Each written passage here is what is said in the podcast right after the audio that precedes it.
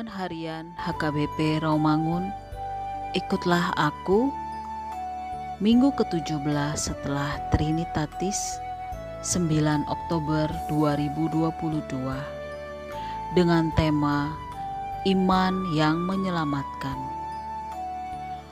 Bacaan epistel kita hari ini dari dua Raja-Raja pasal 5 ayat 1 sampai dengan 14 dan bacaan evangelium kita hari ini dari Lukas pasal 17 ayat 11 sampai dengan 19 yang berbunyi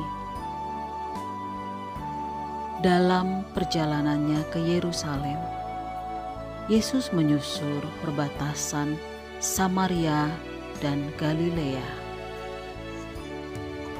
Ketika ia memasuki suatu desa, datanglah sepuluh orang kusta menemui dia. Mereka tinggal berdiri agak jauh dan berteriak, Yesus Guru, kasihanilah kami. Lalu ia memandang mereka dan berkata, Pergilah, perlihatkanlah dirimu kepada imam-imam. Dan sementara mereka di tengah jalan, mereka menjadi tahir. Seorang dari mereka ketika melihat bahwa ia telah sembuh, kembali sambil memuliakan Allah dengan suara nyaring. Lalu tersungkur di depan kaki Yesus dan mengucap syukur kepadanya. Orang itu adalah seorang Samaria. Lalu Yesus berkata, Bukankah ke sepuluh orang tadi semuanya telah menjadi tahir? Di manakah yang sembilan orang itu? Tidak adakah di antara mereka yang kembali untuk memuliakan Allah selain daripada orang asing ini? Lalu ia berkata kepada orang itu, "Berdirilah dan pergilah, imanmu telah menyelamatkan engkau." Demikian firman Tuhan.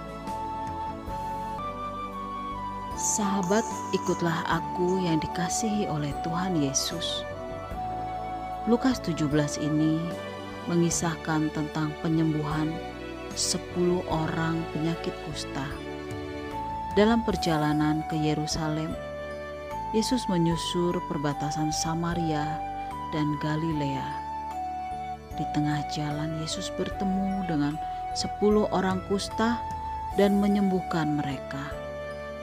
Kisah ini menjadi menarik karena para penderita kusta harus diasingkan dan keadaannya sangat susah. Seperti tertulis dari Imamat pasal 3 ayat 45 sampai dengan 46. Ketika mendengar bahwa Yesus berada di suatu desa, orang-orang kusta itu datang berdiri dari jauh dan berteriak, "Yesus, Guru, kasihanilah kami. Mengapa mereka berdiri dari jauh? Karena mereka dikucilkan masyarakat. Ketika mereka mengidap penyakit kusta, maka mereka itu dianggap najis. Meskipun mereka dianggap najis, Yesus mendengar, memandang, dan menyembuhkan mereka. Setelah itu, ia menyuruh mereka untuk menyatakan diri kepada imam bahwa mereka sudah sembuh.